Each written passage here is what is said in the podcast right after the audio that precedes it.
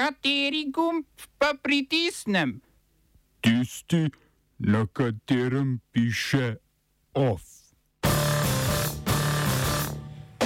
Polski opoziciji prisluškujejo s Pegasusom. Dimitar Kovačovski, novi makedonski mandatar. UKC Ljubljana podpira obvezno cepljenje proti COVID-u. Zvišanje omrežnine za distribucijski sistem.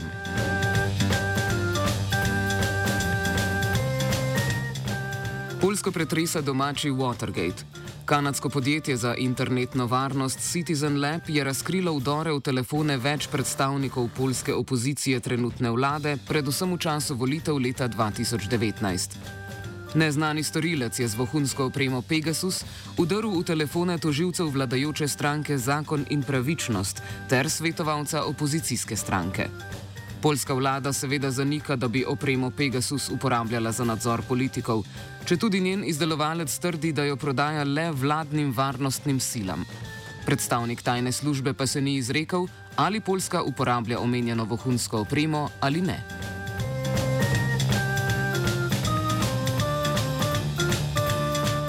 Pegasus je sicer postal znan julija letos, ko so svetovni mediji dokazali, da so s to opremo vdrli v telefone novinarjev, aktivistov in politikov, čeprav naj bi bil Pegasus po navedbah proizvajalca namenjen boju proti kriminalu, terorizmu in korupciji.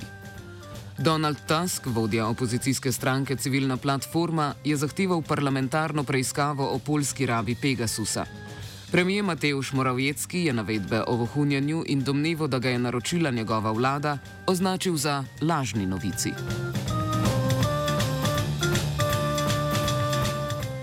Dimitarju Kovačovskemu je makedonski predsednik Stevo Pendarovski podelil mandat za sestavo vlade. Kovačovski je tako svojega predhodnika Zorana Zajeva nadomestil na čelu stranke makedonskih socialdemokratov in vlade. Zajev je z poziciji odstopil po slabih rezultatih makedonskih socialdemokratov na oktobrskih lokalnih volitvah.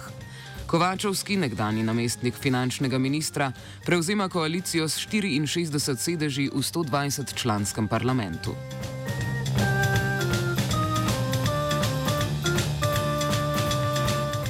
Evropska unija podpira dodatne sankcije proti mjanmarski vladi in mednarodno prepoved prodaje orožja državi.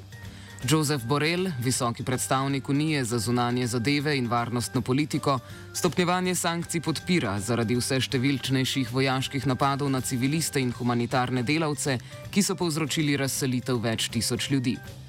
Varnostne sile naj bi od februarskega državnega udara ubile več kot 1300 ljudi, vojska pa obtožbe o pobijanju civilistov seveda zanika. Borel sicer ni napovedal, kakšne ukrepe bi Unija uvedla ob stopnjevanju sankcij.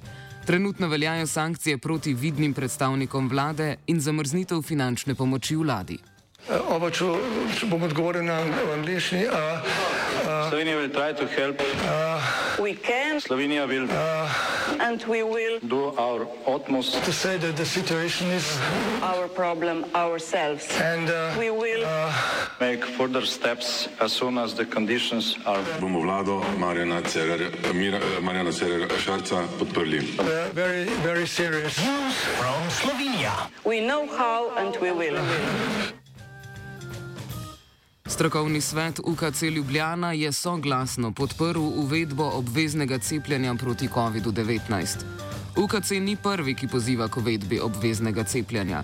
Obvezno cepljenje za starejše od 50 let in ljudi s pridruženimi boleznimi je namreč predlagala tudi vladna strokovna skupina za COVID-19.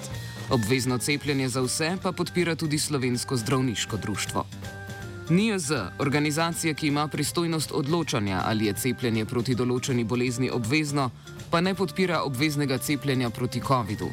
Do sedaj so o tem razpravljali trikrat, ukrepa pa ne podpirajo, saj se bojijo, da bi povzročil odklonilen odnos do vseh cepljen in drugih javnozdravstvenih ukrepov, ter ne bi nujno zvišal ravni precepljenosti. Opozicijske stranke obveznega cepljenja ne podpirajo. Zgolj podpredsednica SD Andreja Katič je zatrdila, da bi obvezno cepljenje podprla, če bi se stroka pri tem vprašanju poenotila.